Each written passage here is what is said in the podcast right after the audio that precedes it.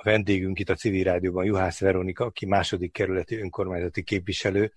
Azt már tudjuk, hogy gerilla kertészkedtél, Veronika, és azt is, hogy egy nagyon fájdalmas történet ott a hajdani mártírok, most azt hiszem Margit körút és Rommel Frólis utca sarkánál történt, a Csodaszarvas téren. Mi volt ez a történet, és mi, hogy áll ez az ügy?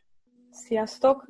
Hát igen, ez, ez tényleg egy nagyon szomorú történet, és időközben eléggé bonyolultá is vált, mert a, hát a kiindulás az egésznek az, hogy a, a terület, amiről szó van, az egy magánterület. Igazából sokan azt gondolják, hogy ez egy közpark volt, mert meg volt nyitva a közszámára, de igazából a státusz az egy magánterület, és a, ez az építkezés, ami most zajlik, ez 2017-ben kapott véglegesített engedélyt, és ez örökségvédelemre szól, mert a, a területen álló iskolaépület felújítását is magában tartalmazza, meg irodaház építését még garázsal.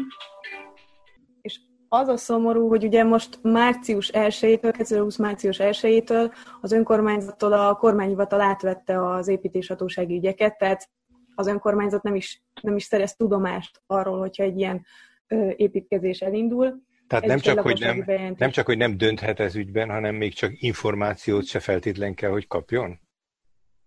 Igen, azt leírtam a blogomban is, hogy van, de a, azt, hogy elindul egy ilyen beruházás, meg hogy pontosan miben áll, azt nem is látod, amit önkormányzat nem értesül róla, meg nincsen ilyen, ilyen bejelentési kötelezettség sem. És akkor a fakivágások ugye az egy másik történet, mert arra meg egy arra meg 2019-ben keletkezett egy ö, engedélyeztetésről szóló rendelet kerületben, ami tehát az, az engedély, a jelen építési engedély megadása után.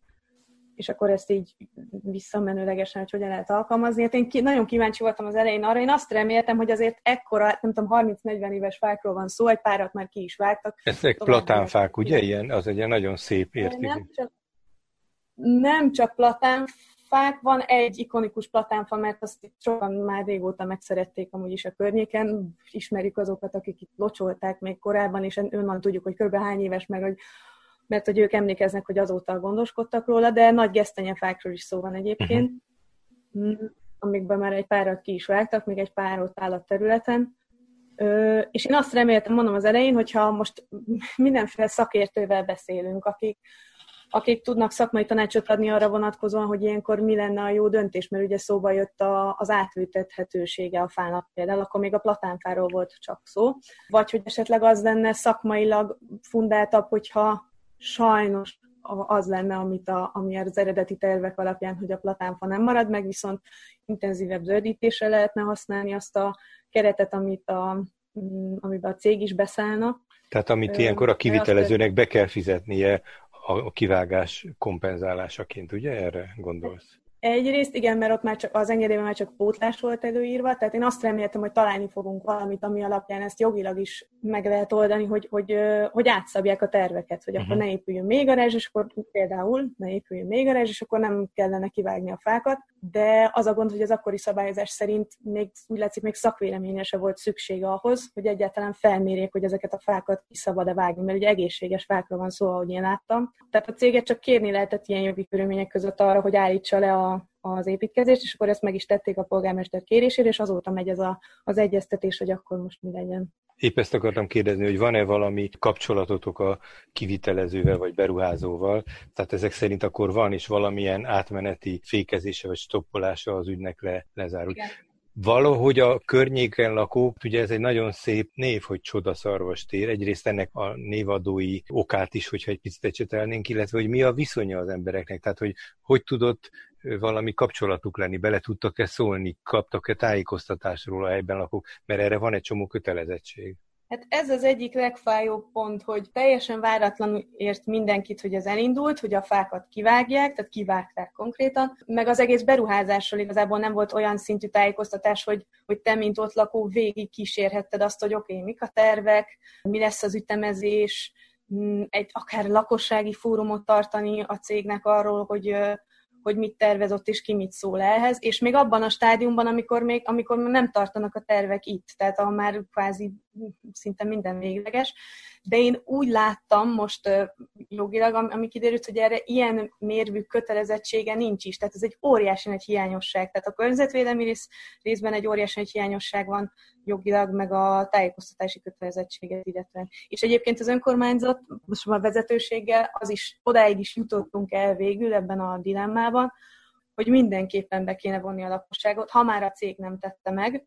Tehát mi létre akartunk hozni egy ilyen lakossági szavazást arról, hogy most ez a platánfáról szólt még eredetileg, uh-huh. hogy, hogy melyik megold, megoldást mondom, hogy amikor igazából két rossz között lehet választani, mint kiderült szakmailag is, melyik verziót tudnák legjobban elfogadni. Azt, hogy a fa nem marad meg, de akkor uh, intenzíven zöldítés jönne létre a kerületben, és akkor ezt nyilván a, a cégnek a méltányosságától is függ, hogy ők ebben mennyire szállnak bele. Én remélem, hogy ők is azért komolyan veszik, ha már elmulasztották a tájékoztatást, hogy itt a lakosság szívén viseli és figyelemmel kíséri az eseményeket, és ez a továbbiakban is így lesz, amikor az építkezés meg amikor a cég ide beköltözik. A másik lehetőség ugye meg az átültetés, és ez azért egy nagy dilemma, mert végül is a szakmai háttér alapján az derült ki, hogy nagyon-nagyon kicsi az esély annak, hogy ez a fa túlélje.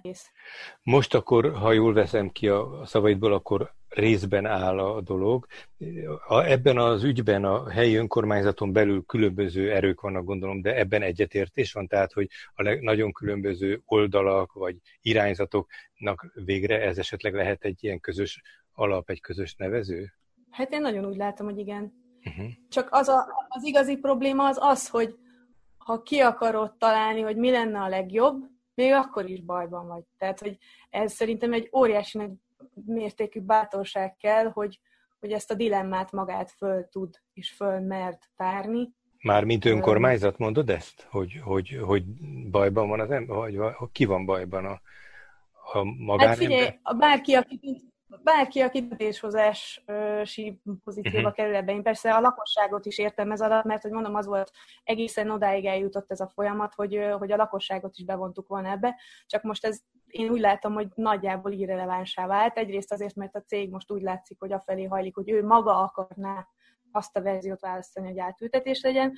Kocz, nagyon kockázatos, plusz ugye a lakosságot se tudjuk akkor ilyen szinten már bevonni, mert én úgy érzem, hogy most hülyítenénk kvázi az embereket az egy, egy döntési lehetőségre, ami valójában nem is biztos, hogy, hogy lesz. És mivel szorít az idő, ezért nem tudjuk azt megcsinálni, hogy, hogy egy hónapon keresztül lakossági fórumozunk erről például, és akkor kialakul egy álláspont, hanem mire, mire az emberekhez egyáltalán eljutna a kérdésnek a, a lényege, addigra már születik egy referencia döntés mondjuk a cég részéről. Tehát ez egy nagyon ilyen kutyaszorítós helyzet.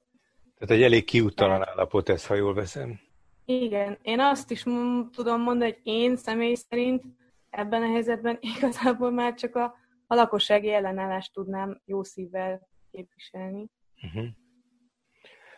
És azt látod-e te magad, vagy esetleg van-e valamilyen párbeszéd erről a önkormányzaton belül, hogy milyen tanulsága lehet egy ilyenek? Tehát, hogy, hogy ha ez a dolog már vissza teljesen nem fordítható, még valami optimum talán kihozható, de hogy mit tud az önkormányzat tenni, hogy, hogy ez a helyzet máshol megelőzhető legyen, megváltoztatható, hiszen nem ismeretlen, hogy, hogy a beruházók, nem ismerem a mostaniakat, gyakran féllegális vagy illegális lépéseket gyorsan megtesznek, mert talán nem kényszerítik őket arra, hogy visszacsináljanak dolgokat. Tehát a, a gyors lépés az a szabálytalanoknak szokott kedvezni, másút nem akarom ezt most az ittenieknek elsütni, mert nem ismerem annyira a hátteret. Szóval van-e olyan tanulság, amiről beszéltek, és hogy amitől valahogy máshogy vehető kézbe az ügy? Hát azt hiszem, hogy én nem véletlenül kardoskodok általában mindig a lakossági bevonás mellett, mert valamiért az, az látszik, hogy na egyrészt érdekli az embereket, tehát ez biztos. Tehát most ezt erősíteni, hogy legyen mondjuk tényleg kikristályosodottabb módszertana annak, hogy te hogyan kérdezed meg a lakosságot, mennyi idővel jár ez, milyen, milyen formában érdemes ezt csinálni, úgyhogy ha ezt kifejleszted, hogy ezt hogyan érdemes megcsinálni, akkor azt remélem, hogy olyan közel kerülnek az emberek ez, ezekhez a gondolkodás, ehhez a gondolkodáshoz és ezekhez a felelősségvállaló és döntéshozói kérdésekhez, hogy egy cég sokkal nehezebben tudja azt megtenni, hogy mondjuk a felszínen mutat valamit, egy tervet, és az emberek ne kérdeznének rá olyan dolgokra, amik lényegre törőek. Tehát én szerintem ez egy hosszú távú közösségi gondolkodásnak a fejlesztését Ez az egyik része, amit szerintem tanulság, és amit folytatni kell. A másik meg, hogy a saját rendeletünk, tehát a saját fakivágási rendeletének a feltételeit fejleszteni.